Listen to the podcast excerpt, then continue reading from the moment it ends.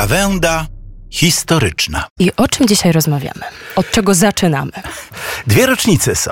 Oczywiście e, przyzwoitość historyczna, którą czasami niektórzy łamią, wymaga, żeby to było chronologicznie, bo jest wtedy i logicznie. Otóż mieliśmy 106. rocznicę e, wartą przypomnienia ze względu na częste błędy. E, czegoś, co potem propagandowo nazwano wielką socjalistyczną rewolucją październikową, a co w istocie było zwykłym puczem. No, prosto mówiąc delikatnie, bałaganem e, w Petersburgu, już wtedy w Piotrogrodzie. E, przypominam sobie, że pewna wiekowa pani mieszkała na Pradze, no i z, z podpowiedzi pewnych duchownych zawoziłem jej obiady. No, związała się przy tym normalna rozmowa. Starałem się ją zapewnić, że to jest z mojej strony dobra wola, a nie jakiś tam chrześcijański obowiązek, który no, zawsze upokarza ludzi, jak ktoś musi, a nie bardzo chce. Więc ją zapytałem o historię. Słuchajcie, chyba ze dwie godziny nie wyszedłem stamtąd. Opowiedziała mi całą rewolucję, paź- pseudorewolucję październikową, też popełniłem ten błąd, w Piotrogrodzie. Powiedziała kilka wstrząsających scen, ale najważniejsze, nikt tego tam nie zauważył. Jedynym wielkim wydarzeniem Piotrogrodu dnia 7 listopada, przypomnę, pucz był z 6 na 7, był występ Szalapina. I to rzeczywiście było wydarzenie, rozplakatowany i tak dalej. Natomiast jak sam ten przewrót przebiegał, jak inni łagodniej mówią, otóż po pierwsze, on się z początku w ogóle nie udał. Strzał z Aurory, owszem, był, ale to był tak zwany hałastoj, czyli, mówiąc po naszemu, e, ślepy. On miał zasygnalizować e, próbę ataku na, e, na pałac zimowy, gdzie się mieścił rząd tymczasowy. Tymczasem tych, którzy tam wtargnęli, aresztowano. Wsadzono ich do podziemia i oni tam siedzieli pod strażą młodych junkrów. Junkrzy to są no, podchorążowie, tak byśmy po naszemu powiedzieli, e, czyli młodych chłopaków 19-20-letnich, czasami nawet 16-letnich, którzy byli mniejsi od karabinu, którzy e, byli w szkole wojskowej i zostali użyci do ochrony rządu narodowego ze względu na no, totalny bałagan, jaki zaistniał w tak zwanej Republice Rosyjskiej, czyli między obaleniem cara a obaleniem tego rządu. Szturmu również nie było, wymyślił go Eisenstein 10 lat później, każąc swoim statystom atakować, wchodzić na bramę, przez bramę, tam puch, szturmem. To było potrzebne dla tak zwanej gawiedzi. Niestety mnóstwo ludzi, no jak ja w dzieciństwie, też w to uwierzyli, a w Muzeum Lenina, które opatrznościowo dziś się nazywa Muzeum Niepodległości, wyświetlano nieustannie ten film, no epatując i zatruwając w dużej mierze wyobraźnię, także starszy ludzie mogą jeszcze to pamiętać jako prawdziwe wydarzenie. Wtedy nie rozróżniano kina od rzeczywistości, co zresztą świetnie wykorzystały wszelkie totalitaryzmy i faszystowski, i nazistowski, i internazistowski, czyli, czyli komunistyczny. Zatem jak przebiegał ten pucz? Otóż rzeczywiście zaatakowano kilka ośrodków. Dyspozycyjnym centrum stanowił monaster w pewnym sensie z cerkwią na Smolnym. Tam rzeczywiście mieściło się gniazdo bolszewizmu, na który tory skierował Lenin całą podległą sobie ale nieliczną, no, mającą mniej więcej tyle e, zwolenników, co, co dzisiaj, nie wiem, żeby nie obrazić, no, Konfederacja. 10 do 12%. Natomiast była to gigantyczna machina przemocy, która nie zamierzała się liczyć z jakąkolwiek demokracją, ani z jakimikolwiek wyborami. Oni się nawet śmiali, że reszta jest tak głupia, że w ogóle pozwala na coś takiego jak wybory, zamiast trzymać władzę i tępić przeciwników po carsku po prostu. Zresztą duża część społeczeństwa rosyjskiego, tu nie chcę nikogo obrazić, ale była przyzwyczajona do czegoś takiego i w ogóle nie rozumiała, po co można władzę wybierać. Władza jest z góry, od Pana Boga, a oni są od dołu. No i ta, ta zmiana, która przeszła w okresie oświecenia, ba nawet w okresie renesansu, że człowiek jest miniaturą świata i zawiera w sobie godność, w ogóle nie dotarła na wschód. W dużej mierze dzięki nam, Polakom, którzyśmy tego renesansu tam nie wpuścili, właściwie okrąża, troszeczkę okrążając nas, no, gdy naszych rodaków, a właściwie Litwinów, wyrzucono z Kremla, no to i skończył się barok również, na, czy też renesans, bo wtedy barok się dopiero zaczynał na wschodnich terenach terenach i oni już tak zostali w tej epoce średniowiecza podporządkowania autorytetowi zewnętrznemu. Pamiętajmy, to jest fundamentalna różnica.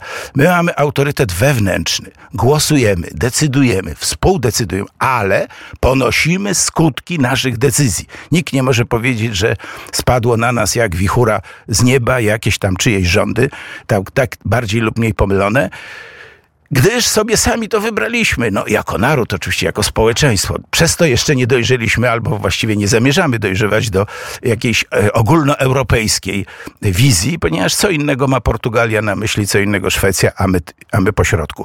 Rzecz jest prosta. W tym okresie rzeczywiście było możliwe narzucenie woli mniejszości, ale oszukując większość, że to oni właśnie tego potrzebują. A jak nie potrzebują, to jak wtedy mówiono, siłą zmusimy do szczęścia naród rosyjski. Oczywiście potwierdzę tu wszystkie wcześniej znane e, okoliczności, że Lenin był E, agentem niemieckiej służby wywiadowczej. Podpisał z nimi zresztą odpowiednie dokumenty, którymi go potem szantażowano jakiś czas. Stąd też wprowadzenie totalitaryzmu właśnie na okoliczność tych dokumentów było konieczne, żeby zablokować wszelkie możliwe e, źródła niezależnej informacji, to po pierwsze, a po drugie zakłamać to maksymalną ilością nieprawdziwych, które jak ludzie uwierzą, jak mówił Hitler, nieważne czy to jest prawda, ważne, żeby ludzie to uwierzyli i to tylko też do pewnego momentu, bo potem już nie będą mieli nic do powiedzenia. Otóż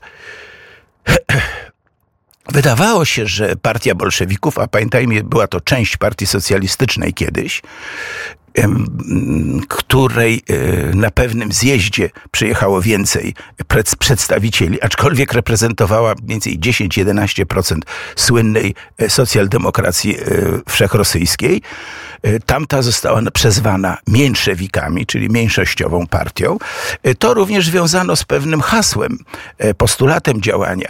Mniejszewicy mówili mniejsze, a łudsze, czyli mniej, ale dobrze. Bolszewicy mówili bolsze, wszystko, lub nic. I w tym momencie, choćby, choćby źle, ale wszystko trzeba zagarnąć. I odgórnie jakby wprowadzać e, ustrój e, pseudosocjalistyczny, bo nie liczący się ze społeczeństwem, a już na pewno nie z jednostką społeczną, co było jednak e, fundamentem socjalistów w ogóle od czasu, jak się organizowali. Przejdźmy zatem błyskawicznie przez ten Petersburg.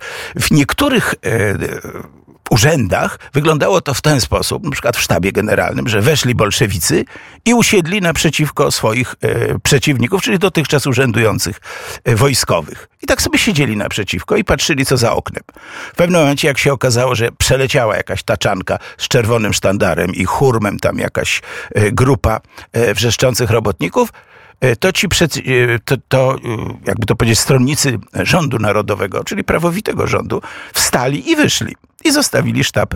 E, no tak wyglądało właśnie e, główne starcie. Natomiast rzeczywiste starcie miało miejsce w walce o Pałac Zimowy, a szczególnie o jedną jego część, gdzie mieściły się gabinety ministrów, e, kireński premier upuścił wcześniej, przewidując, usiłując zorganizować jakąś odsiecz. Wiedział, że się tam dostanie, niemniej ministrowie obradowali.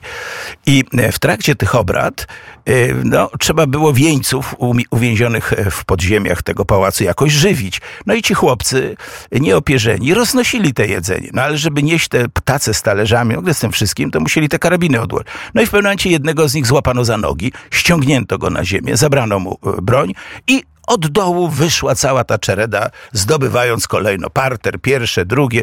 No i tam mieli wyrzucić niby ten rząd narodowy. Rząd narodowy akurat był na tyle mądry, że się e, schował. Tam były różne tajne przejścia i tak dalej. Nikogo nie złapano. Niemniej ja oglądałem jeszcze tabliczkę. Tu został aresztowany. E, zdaje się, że kilka osób jednak zostało do końca, twardo broniąc tu miejsca. I tu wyprowadzeni i zgładzony został kapitalizm e, na pierwszy, pierwszy wyzwolony od kapitalizmu kawałek ziemi na świecie. No, tak wygląda propaganda. Niestety. E, natomiast e, owa pani, od której zacząłem, opowiedziała mi jedną tragiczną bardzo konsekwencję takiego przewrotu. Otóż e, no, brakowało mleka, się wszystkiego, no ale Ale natomiast pełno było papieru. Gigantyczne ilości zadrukowanego z ulotkami kolorowymi, z obrazkami bardzo często dla niepiśmiennych. I to się walało, ludzie to zbierali no, w celach toaletowych oczywiście y, i tak dalej. Wszyscy się dziwili skąd się wzięło. Niestety Szwecja. Szwecja zaopatrzyła bolszewików, posługując się amerykańskim złotem, które przelewano na konta w Szwecji, zarówno w broń, jak i właśnie w papier. I stojąc w takiej kolejce, zimno, ciemno, e, ta pani opowiada, jak była zawinięta w taki, no jedyny, jaki jej pozostał, e, szal z lisa. I w pewnym momencie podeszła do niej taka kraśna, bolszewicka dziewczyna, zdarła jej ten szal, krzycząc, ty już nosiła długo, teraz to ja będę. I to było pod hasłem grabi zagrabliene. Czyli wszystko, co ma wartość, jest w czyichś rękach, to na pewno zostało ukradzione, no bo był system taki, a teraz trzeba to odkraść. No i ona odkradła właśnie ten, tą pelisę z lisa, tak to nazwijmy. No nie byłoby w tym nic e, nadzwyczajnego, wojna to w ogóle grabież w dużej mierze, gdyby nie fakt, że za chwilę przechodzili e, tamtędy e, matrosi, czyli taki patrol e, marynarzy w ubraniach z bujeckim spojrzeniu i tylko każdego tam filtrowali. I za rogiem rozległ się strzał. Wszystkich to poderwało. Chcieli już uciekać z kolejki, no ale akurat tam mleko dowieźli. I widzi, jak ci matrosi wracają i ciągną za sobą tą jej pelisę z lisa zakrwawioną. Czyli oni na zasadzie grabienia zabili tą dziewczynę i zabrali jej ten, tą pelisę. I tak wyglądała rewolucja od dołu. Powinna przerazić każdego, chociaż e, trzeba przyznać, że naszego narodu akurat nie przeraziła. Co się stało wtedy w Polsce? Otóż w okresie jeszcze poprzedzającym ten cały pucz e, Piłsudskiemu doradzano ucieczkę z kongresówki, której e, pseudo-niepodległość, czyli podległość Niemcom wskrzeszono dnia 5 listopada 1916 roku. I rzecz w tym, że zaczęto organizować władzę i tak dalej, że wojskową e, całą strukturę podporządkowano Bezelerowi, Hartwigowi von Bezellerowi, e, który chciał być, no, krótko mówiąc, takim pruskim konstantym na terenie kongresówki. Oczywiście dalej był to ustrój Królestwa Polskiego. Z tym, że zostało jego autonomia jakby z czasów e, Kongresu Wiedeńskiego, czyli z 1815 została reaktywowana. No i w takiej sytuacji Piłsudski został e, zepchnięty z jakiegokolwiek dowodzenia armią, gdyż e, swoim e, przyjaciołom, podwładnym nakazał e, zejście do podziemia lub dać się internować, odrzucić przysięgę, którą mu kazano składać. No a sam jeden znalazł się nagle w sytuacji niebezpiecznej. Wywieziono go do Lublina, stamtąd miał zostać przerzucony do strefy rosyjskiej, czyli w głąb Rosji, tam gdzie jeszcze nie weszli Niemcy i Austriacy i stanąć na czele tamtejszych korpusów, które się organizowały. No jego sława była już na tyle ugruntowana, a taki wyjątkowy tytuł e, brygadier e, było już w użyciu, więc miał się stać właśnie takim brygadierem wszystkich polskich brygad i korpusów na wschodzie. Jak wiemy, tam karierę zrobił inny Józef, Dowbór Muśnicki, no ale to wskutek e, już innych zawirowań. I odbył tam coś w rodzaju rozmowy z samym ze sobą. E, to był lipiec, w związku z tym przedefilował e, taki sad, w którym bardzo głęboko rozmyślał nad tym, co zrobić w tej sytuacji. Czy uciekać jak szczur, czy też stawić opór temu, co nadchodzi. Nie wiemy, jakie racje zaważyły, że on wbrew swoim przyjaciołom, ku ich zdumieniu zresztą niebotycznemu, powiedział: Nie, wracamy jutro do Warszawy. Ależ komendancie, ciebie aresztują. Właśnie o to mi chodzi. Słuchajcie, przewidział sytuację. Jeżeli sytuacja Niemców jest dobra na wschodzie, to na pewno jest zła na zachodzie. I odwrotnie. A jeżeli jest zła na zachodzie, to znaczy, że Niemcy ostatecznie przegrają, że jego przepow- no może nie przepowiednie, tylko przewidywania z 1914 roku, że y, zwycięstwo przetoczy się ze wschodu na zachód, czyli najpierw przegrają, przegra Rosja, a potem przegrają Niemcy, a ostatecznie wygra Entente zaczęły się sprawdzać, choć nikt wtedy jeszcze nie mógł tego, w to uwierzyć, ponieważ Rosja padła na kolana, Rosja była pobita, rozbita, a za chwilę zawrze najbardziej haniebny w swojej historii pokój brzeski. A zatem wracać. I to, była, to był jego strzał w dziesiątkę. To mu utarowało drogę do wszystkiego, co go potem spotkało. Gdzie indziej nie miałby takich y, możliwości, ale przede wszystkim e, tak niesamowitego poparcia narodu, który siedział w niewoli niemiecko-austriackiej. Już Rosjan wyrzucono i on się zgodził być razem z nim. To za to się dostaje Nobla i za to się dostaje marszałka. Nie za wojenne tylko za wierność narodowi. Zawinął się i porannym pociągiem puch puch do Warszawy. Udał się mm, tutaj w centrum na jedną z takich bocznych uliczek przy ulicy Pięknej, przy Koszykowej. Tam wszedł na to swoje trzecie piętro w, w, w, tym w mundurze. Pamiętajmy, to był 22 lipca, więc gorąco było jak licho. Rozpiął mundur, ułożył się w takim żelaznym łóżku. Buty miał oczywiście na oparciu tam wysoko i tak czekał, i rzeczywiście w nocy przyszli po niego Austro- e, Prusacy. Został aresztowany, deportowany najpierw do Gdańska.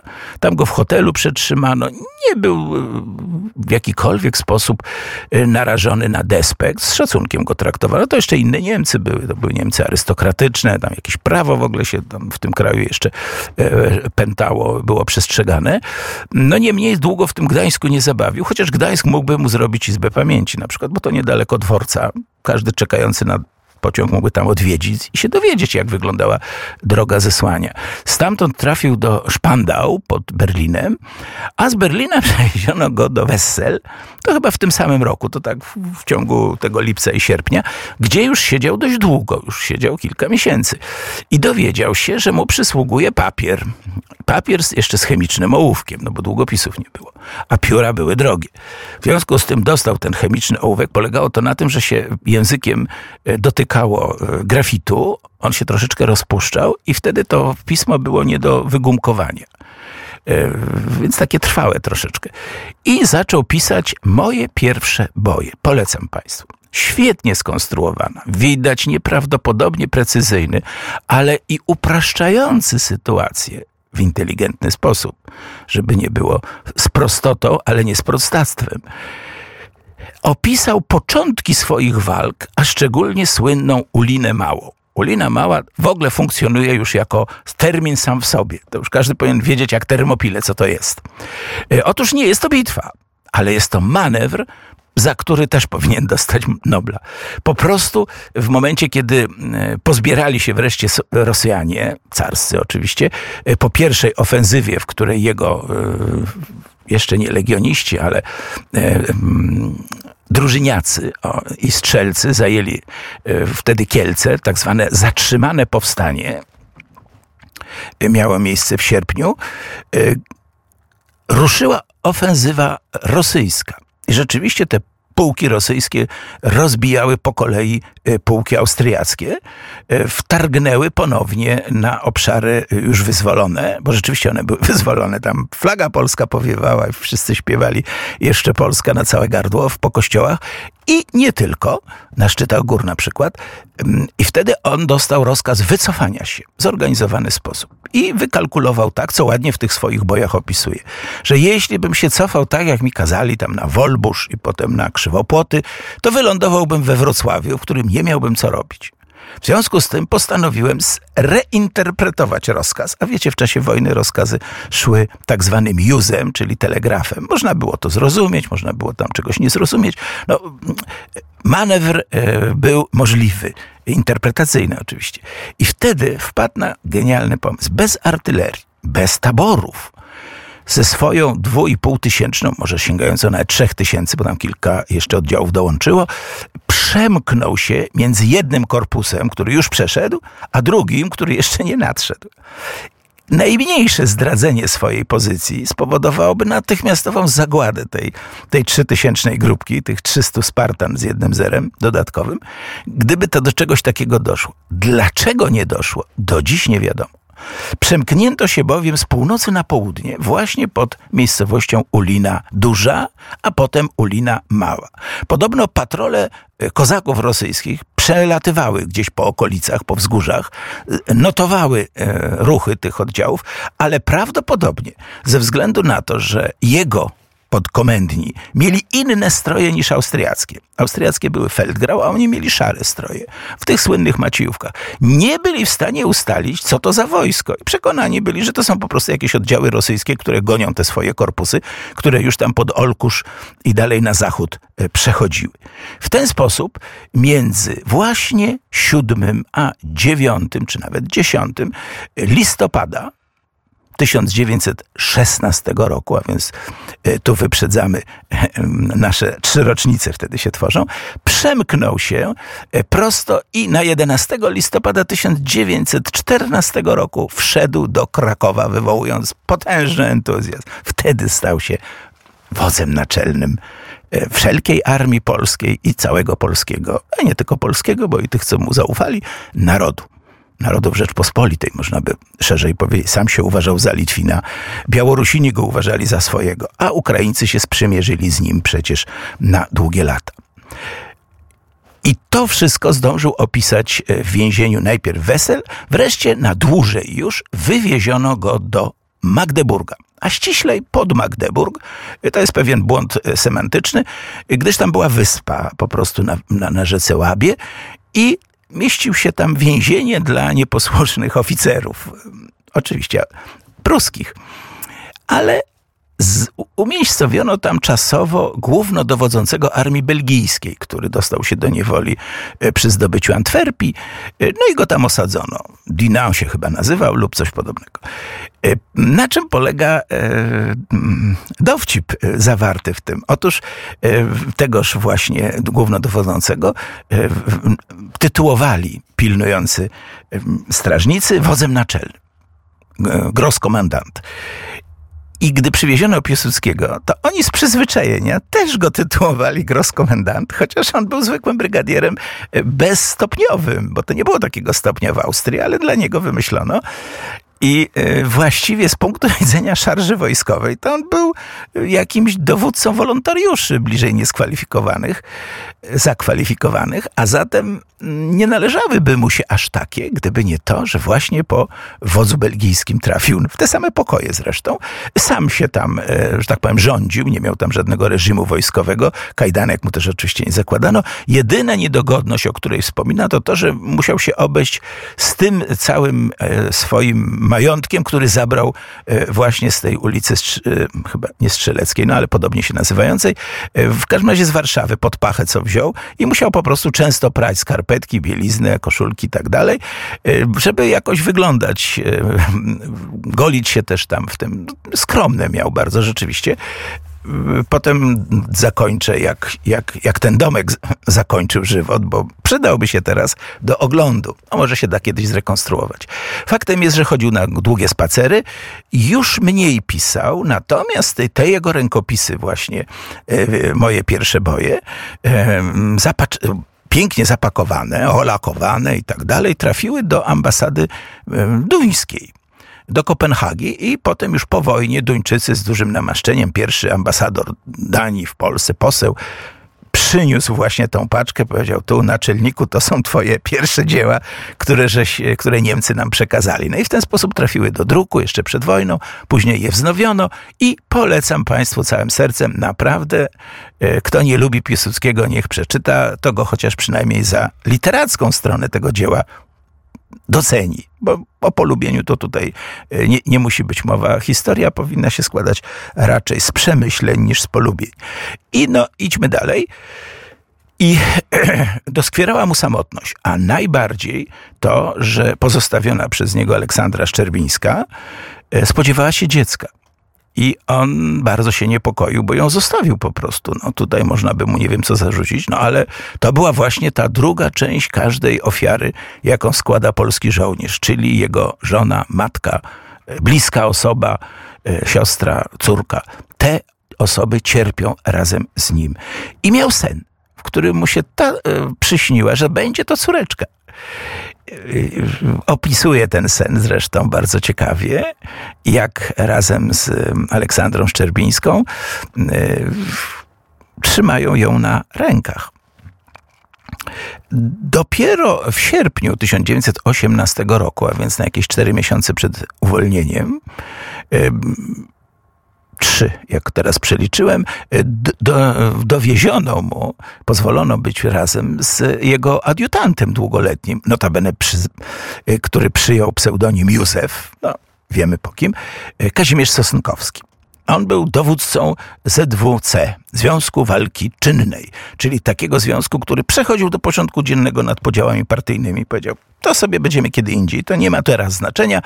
Formujemy z wszystkich, którzy chcą nosić broń dla ojczyzny bez żadnych tam dodatków.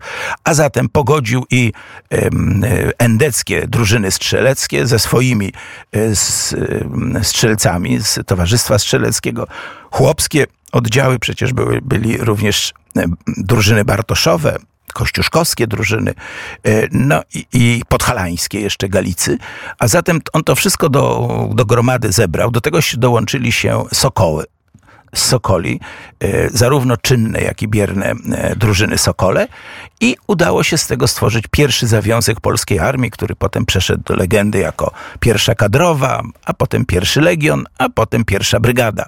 No i w ten sposób no, widać jak z ziarenka dosłownie wykluwa się ten potężny dąb, któremu na imię Polska. I tam e, mieli czas, żeby wiele rzeczy przedyskutować. No, s, Kazimierz Sosnkowski był wierny marszałkowi, aczkolwiek gdy dostał Poznań i wybuchł e, przewrót majowy, nie wytrzymał tego i e, próbował się zastrzelić. Na szczęście był leworęczny i z lewej ręki e, przestrzelił sobie rzeczywiście pierś, ale przeżył. Przeżył, żył długo, miał nawet szansę być prezydentem na uchodźstwie, ale go tam z kolei inni, jak to w Polsce, znaczy poprzednik nie chciał ustąpić przez tam lat 20 i tak dalej. Natomiast i zapisał się bardzo pozytywnie w polskiej historii, trochę odrębnie od marszałka. No on, jest, on jest w pewnym sensie takim y, politycznym, czy może nawet wojskowym synem marszałka. Tak jak y, równie bliski mu był Walery Sławek, y, narzeczony jego pasierbicy, która na rękach Sławka przecież umarła. W związku z tym no, on miał takich, taki krąg najbliższych sobie przyjaciół i oddanych wiernych, z którymi różnie potem się potoczyło, niemniej do końca, to jest wspaniały przykład klasy politycznej, do końca zachowali dla siebie szacunek. Nie obrzucali się żadnymi koszmarnymi wymysłami. Nie było tego całego bagna, z którym się teraz musimy liczyć, co, że jakiś deszcz nas w końcu z tego opłucze. Po prostu ci ludzie byli lojalni.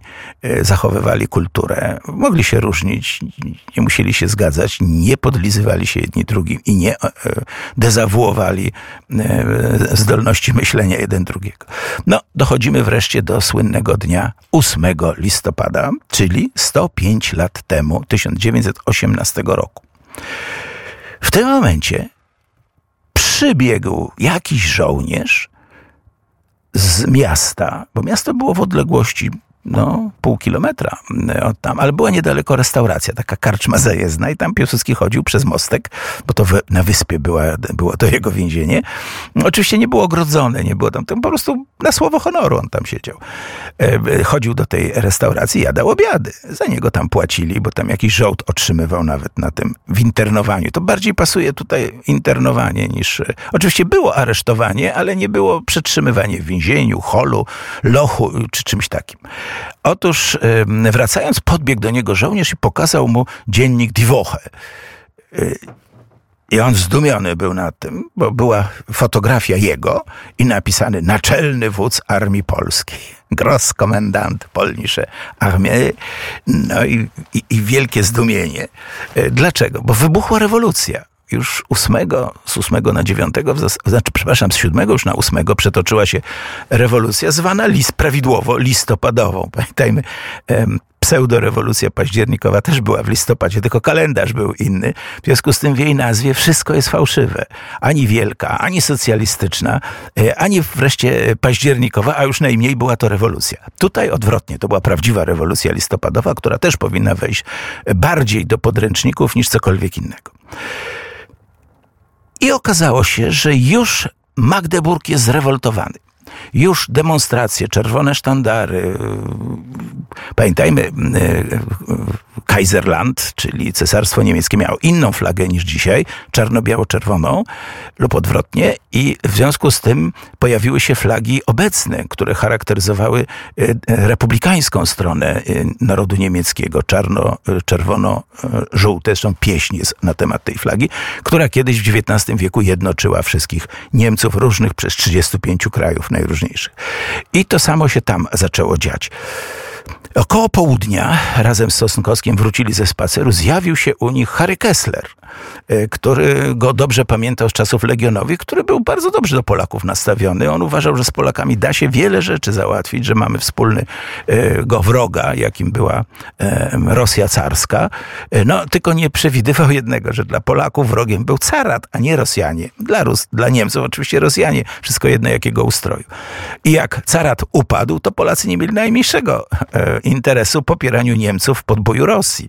Wręcz odwrotnie, przeszli od razu do opozycji i ofensywy przeciw niemieckiej, oczywiście ukrytej w postaci polskiej organizacji wojskowej. Takie Armia Krajowa I wojny światowej, tak na skrócie. Tylko proszę nie używać w I wojnie światowej e, skrótu Armia Krajowa. No i e, Kessler się bardzo szybko dogadał. Mówi, Panie komendancie, trzeba wsiadać, stąd jechać. E, bo tutaj, zresztą domyślił się bardzo szybko Józef Piłsudski, że demonstranci za chwilę przyjdą i go uwolnią, bo uwalniano z wszystkich więzień, wszystkich jeńców i więźniów politycznych. No i rzeczywiście samochód czekał w dwóch samochodach. E, gdy już jechali, właśnie przez e, most na Łabie, to już demonstracja od miasta szła w stronę tejże właśnie więziennej wyspy. Przejechali cichcem, udając e, prywatne osoby przez e, Magdeburg. Kessler zasłonił swoje, był pułkownikiem, naramienniki paltem, żeby go nie było widać. Żartowaliśmy sobie, że pewnie pożyczył od Piłsudskiego zwykły płaszcz, chociaż Piłsudski był akurat wojskowym. No i tak się przemknięto przez Magdeburg i na cały całym gazie do Berlina. No i tam w hotelu y, International czy International e, zrobiono dla nich przyjęcie i podsunięto Piłsudskiemu, że owszem, będzie wypuszczony jak najbardziej z honorami, pod warunkiem, że podpisze e, zobowiązanie, że nie będzie nigdy walczył z Niemcami a on tylko pokazał na szybę, za którąż e, defilowały po ulicy najróżniejsze grupy demonstrantów i powiedział, teraz, w tej chwili, czy wy uważacie, że ja coś takiego mogę podpisać? No i spójrzcie. Macie odpowiedź. No i skonfundowani Niemcy rzeczywiście spuścili nosy. No w sytuacji, kiedy im się rozleciało całe państwo, już nie mówiąc o imperium, to właściwie oni nie mieli żadnych argumentów. Mogli tylko go tak odstawić, jak go zabrali a nawet lepiej. I rzeczywiście postanowiono, oni tam przenocowali z, z 8 na 9. 9 były właśnie te rozmowy. Y, próbowano go jeszcze na różne sposoby kusić, ale już Harry Kessler przerwał to wszystko, powiedział, nie ma sensu, Piłsudski jest po prostu człowiekiem niezależnym. A przy tym on się domyślił i chyba zapytał o to Piłsudskiego, czy on się celowo dał aresztować, czy on tak rzeczywiście nie wiedział, czy też, y, bo Niemcy byli przekonani, że go zaskoczyli. On powiedział, oczywiście, przecież zobacz, tu mam bilet do Lublina. No i wtedy Kessler nie ukrywał, że mm, w późniejszych rozmowach, że nabrał ogromnego szacunku dla Józefa Piłsudskiego. Że ten umie naprawdę przewidywać e, sytuację. E, no, byli ludzie w późniejszej epoce międzywojennej, którzy usiłowali przypisać Piłsudskiemu jakieś zdolności jasnowidzenia, przewidywania, no takie różne tam paranormalności, ale Piłsudski swoim z litewskim akcentem rozwiał te wszystkie e, brednie, jak on mówił, i, i krótko stwierdził, jakie tam przewidzenia, myśleć trzeba, myśleć. I tu się puknął trzy razy, oczywiście w przyrząd do myślenia. I to daje wskazówkę. No, rozum ludzki jest w stanie wiele rozwikłać, przewidzieć i uporządkować pod warunkiem, że prawidłowo w dobrą stronę działa, a nie zajmuje się e, rzeczami e, błędnymi, a nie da, nie da się uwieść jakimiś. I chyba to była naj, najcenniejsza cecha u Piłsudskiego e, i czyniąca go mężem stanu. Jednym z nielicznych zresztą wtedy, chociaż akurat parlamentarne rządy i u Prusaków, i u y, Austriaków, no w cienkim, y, w cienkim rzucie również u Rosjan, bo jednak Duma była i tam była, było koło polskie, e, wytworzyło elitę, e, która umiała parlamentarnie postępować. No, wspaniały mówca Daszyński, czy Wincenty Witos, który trochę w jego cieniu, ale jednak niezależnie ruch chłopski reprezentował, gdy Daszyński robotniczy. E, to były oczywiście korfanty w Sejmie zarówno Rzeszy, jak i pruskim. To były dwa różne parlamenty. No a Dmowski z kolei początkowo był w kole polskim w Petersburgu. Pietrogrodzie, a potem już na emigracji. A więc była i emigracja, i y, polskie koła w państwach okupujących kongresówkę. Było z czego tworzyć y, władzę dla uwalnianego powoli narodu. Jak się to odbywało? No, chciałem tutaj bardzo do, dla Państwa wystąpić 30, 31 października, bo wtedy właśnie zbuntowały się pierwsze e, ośrodki władzy. I słuchajcie, nawet nie było to w jakimś wielkim mieście, ale w bardzo małym podmiejskim jeszcze wtedy e, kawałku Krakowa, które nosi nazwę Kraków Płaszów. I rzeczywiście pierwszym miejscem wyzwolonym był peron tego dworca. To jest taki z północy na południe się ciągnący na południowy wschód yy, Krakowa, już za Wisłą. No, taka krakowska Praga. I tam właśnie Polacy yy, namówieni przez Antoniego Stawarza, kapitana wojsk asystencyjnych, jako pierwsi rozbroili straż która pilnowała dokładnie dwóch filanców y, austriackich z takimi kogucimi piórami. Wsadzili ich do y, takiej budki, zamknęli i nadali wtedy ponieważ w tej budce był telegraf do wszystkich stacji w Galicji, że rewolucja wybuchła w Krakowie, e, że przejęto władzę, zatrzymać wszystkie pociągi, stop, skierować na Kraków. O co tu chodziło? Otóż Austriacy już sobie zdawali sprawę, że muszą zwijać władzę, chcieli ją oddać w grudniu, w grudniu po południu, gdzieś tak może koło Bożego Narodzenia, i w tym czasie pół listopada i cały grudzień wywieźć wszystko z Galicji, co się jeszcze wywieźć da. Przede wszystkim ropę naftową, opał na zimę, konie, kilkadziesiąt tych wagonów siodeł na przykład zatrzymano. Ale ponieważ budowali linie kolejowe w stylu kolonialnym, czyli tak, żeby im było wygodnie, a nie mieszkańcom Galicji, wszystkie wyjazdy z Galicji skupiały się na Śląsku Cieszyńskim. Wystarczyło tam zablokować i cała reszta stanęła. I tak zrobiono. I rzeczywiście strajk trwał e, już trzeci dzień i kolejarze powiedzieli, że no jeszcze jeden dzień, a ich rozstrzelają za to, że blokują.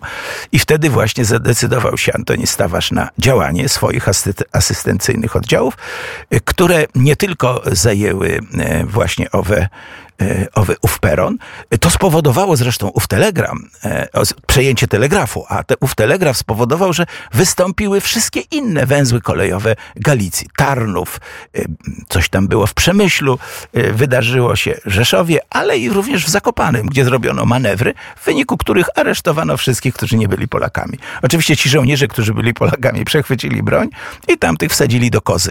To samo się stało również na Podgórzu, gdzie w w południowej części zaaresztowano wszystkich, z wyjątkiem Czechów. Czesi natychmiast stanęli po stronie polskiej, powiedzieli braterstwo broni. Czesi, Polacy w Pradze pomagali Czechom, Czesi w Krakowie pomogą Polakom. I drugim miejscem było Podgórze gdzie u pani Wisłockiej zebrały się e, osoby najbardziej, tak powiem, no, nobliwe.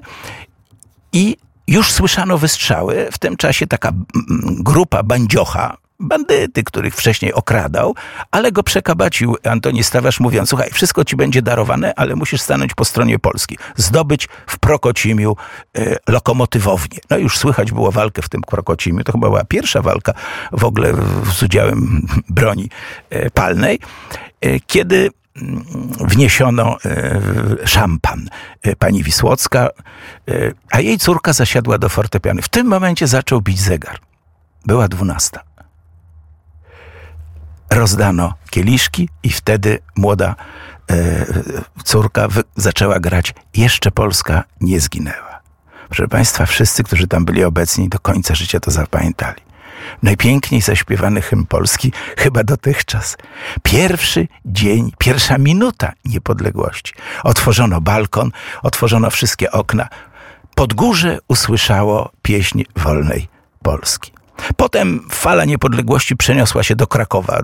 31 e, specjalna grupa e, wartownicza Pasternaka i, jego kolegów przejęła władzę od niejakiego Millera, e, austriackiego dowódcy, Warty, na placu, na głównym rynku Krakowa pod ratuszem.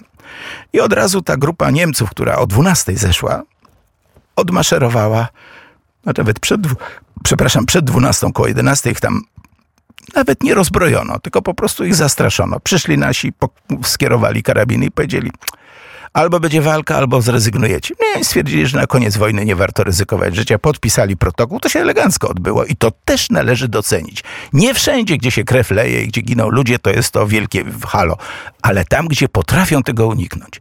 I ten oddział, chyba Tyrolczyków, od razu odmaszerował na dworzec, wsiadł na pociąg i wieczorem już byli e, za granicą. Kraków szalał.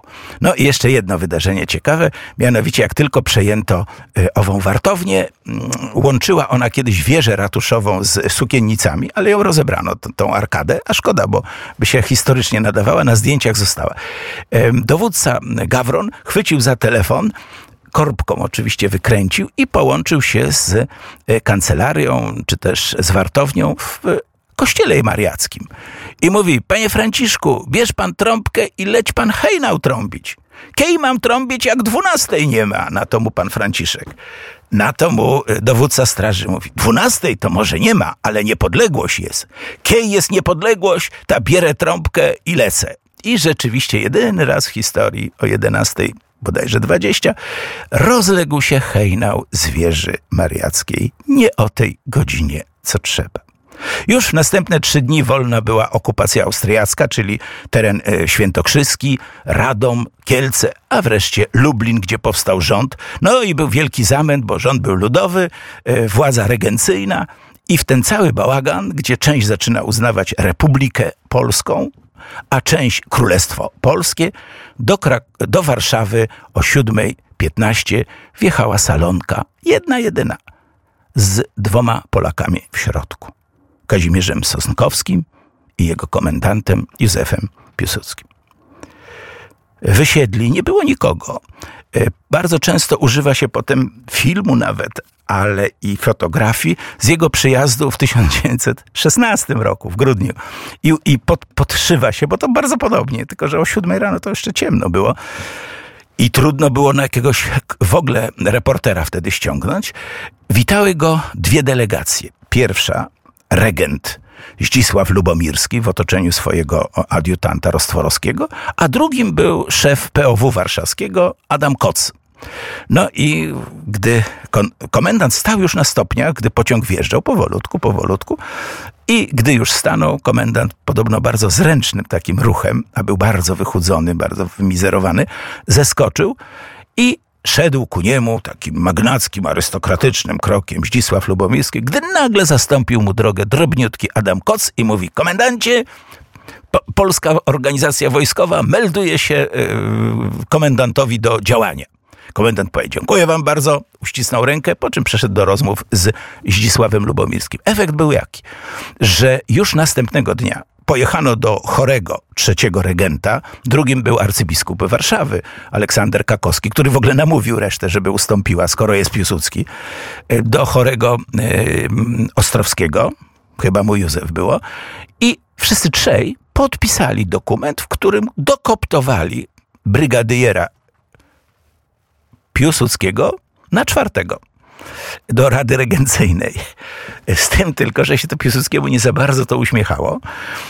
I mm, oczywiście on przyjął to i przejął natychmiast dowodzenie nad, nad całym wojskiem, ze względów oczywiście e, no, prestiżowych, ale i militarnych. No, trzeba było skupić jak najszybciej, bośmy nie mieli przecież czym walczyć, a Niemcy nie wszędzie chcieli oddać broń. Ale za to wyraźnie powiedział, e, że Dobrze by było, gdyby się ta rada w ogóle rozwiązała. E, Kakowski też był za tym. Chyba się dogadał trochę z Piłsudskim, trochę mu tam doniósł, że jak tak nacisnąć radę, to ona pęknie. I 13 Piłsudski e, poprzez swoich współkolegów, e, w tym przede wszystkim Daszyńskiego, zorganizował ogromną demonstrację. Z woli przyszła grupa potężna robotników, dotarła nad zamek i zażądała wywieszenia czerwonego sztandaru. Słuchajcie, to był nasz szturm zamku. Dokładnie jak w Petersburgu ten pseudoszturm Pałacu Zimowego, czy w Niemczech, gdzie na Pałacu Kajzerowskim wywieszono czerwoną flagę. Rzeczywiście weszli na balkon, czerwona flaga wisiała przez tydzień. 14 Rada się totalnie rozwiązała. Powiedziała, że wobec zaistniałej sytuacji odpowiedzialność i obowiązek powołania rządu, czyli funkcji głowy państwa, przekazuje Józefowi Piłsudskiemu. I zakończyło się Królestwo Polskie. Jak ono się zakończyło? Otóż Piłsudski otrzymał formularz, w którym miał wydać pierwszy rozkaz pierwsze zarządzenie. A w nagłówku było pięknie wydrukowane Królestwo Polskie, orzeł w koronie, wszystko ślicznie. No taki orzeł, co był do 27 roku jeszcze. I on umaczył stolówkę, no bo nie było wtedy żadnych długopisów i jednym ruchem skreślił słowo królestwo, zachowując słowo polskie. I wydał rozkaz numer jeden. Z tą chwilą przestaliśmy być tysiącletnim królestwem, zaczęliśmy być republiką a później, zgodnie z konstytucją marcową, Rzeczą Pospolitą, która łączy i królewską część, i republikańską część naszej tradycji. Dodam tylko, że trzeci i najważniejszy w tym układzie, tym, w tym trójskoku, 11, 14 e, był e, akt 16 listopada, kiedy on podpisał telegram rozesłany potem z Cytadeli, którą właśnie dla tego celu odzyskano, podstępem zresztą wywabiono Niemców i przechwycono radiostację. Ona się mieściła przed Cytadelą, troszeczkę taki skromny domek, też wart rekonstrukcji, bo tam rozesłano najważniejszy telegram, zawiadamiający wszystkie państwa wojujące i neutralne, o ponownym zaistnieniu Polski. I tu najważniejsza część. Naprawdę, drodzy rodacy, pamiętajmy, już o rodaczkach nie wspomnę. Polska nigdy nie przestała istnieć. Jest jak okręt podwodny. Raz ją było widać, raz ją nie było widać, ale jej nie było takiej chwili, gdyby jej nie było. Nie mylmy mapy z narodem. Polska się wynurzyła. I zawiadomiła świat o ponownym swoim zaistnieniu. Można ją zobaczyć. Wcześniej była w ukryciu. I dzięki temu, i dzięki temu odważnemu i bardzo wyważonemu raportowi oznajmiliśmy światu, że jeszcze nie zginęliśmy. Szkoda, że wtedy nie było jakiegoś nagrania, bo tak przypieczętować ten telegram, on powinien zawsze 16 listopada być przeczytany, rozesłany we wszystkich środkach masowego i musowego przekazu, jakie w Polsce istnieją, aby każdy się z tym telegramem zapoznał. I każdy zapamiętał słowo ponowne zaistnienie Polski. Już kończy się mój czas. Rzeczpospolita istnieje. Polska wraca, podnosi się jak kłosy po burzy do pionu i wita nadchodzące słońce niepodległości. Tej niepodległości nie daliśmy sobie wyrwać ani przez II wojnę światową, ani przez lata komunizmu, które nie tyle nie były łatwe, co były groźne dla duszy Polaków. Wielu się dało zmanipulować, wielu wystąpiło przeciw własnym rodakom. Ale naród ich wchłonął, nie wyrzucił na margines, może na margines historii Dzisiaj znowu stoimy przed ogromnymi podziałami, ale przez pamięć o tym wielkim darze niepodległości. Dar, który tyleż modlitwą, działaniem, cierpieniem na Syberii i w innych miejscach, obozach wywalczyliśmy, wydarliśmy opatrzności. Ale pamiętajmy, no nie byłoby niepodległości, gdyby wszyscy trzej zaborcy, jakich tam by nie nazwać, rozpadli się w proch i pył. Pierwsza wojna światowa upadła Austria, podniosły się Niemcy. Druga wojna światowa upadły Niemcy, podniosła się Rosja. Nie chcę mówić, czy będzie i co będzie, jeśli będzie trzecia wojna światowa. Dziękuję Państwu za uwagę. Tyle na Dzień Niepodległości. Krzysztof Jabłonka, pozdrawiam i do ponownego usłyszenia.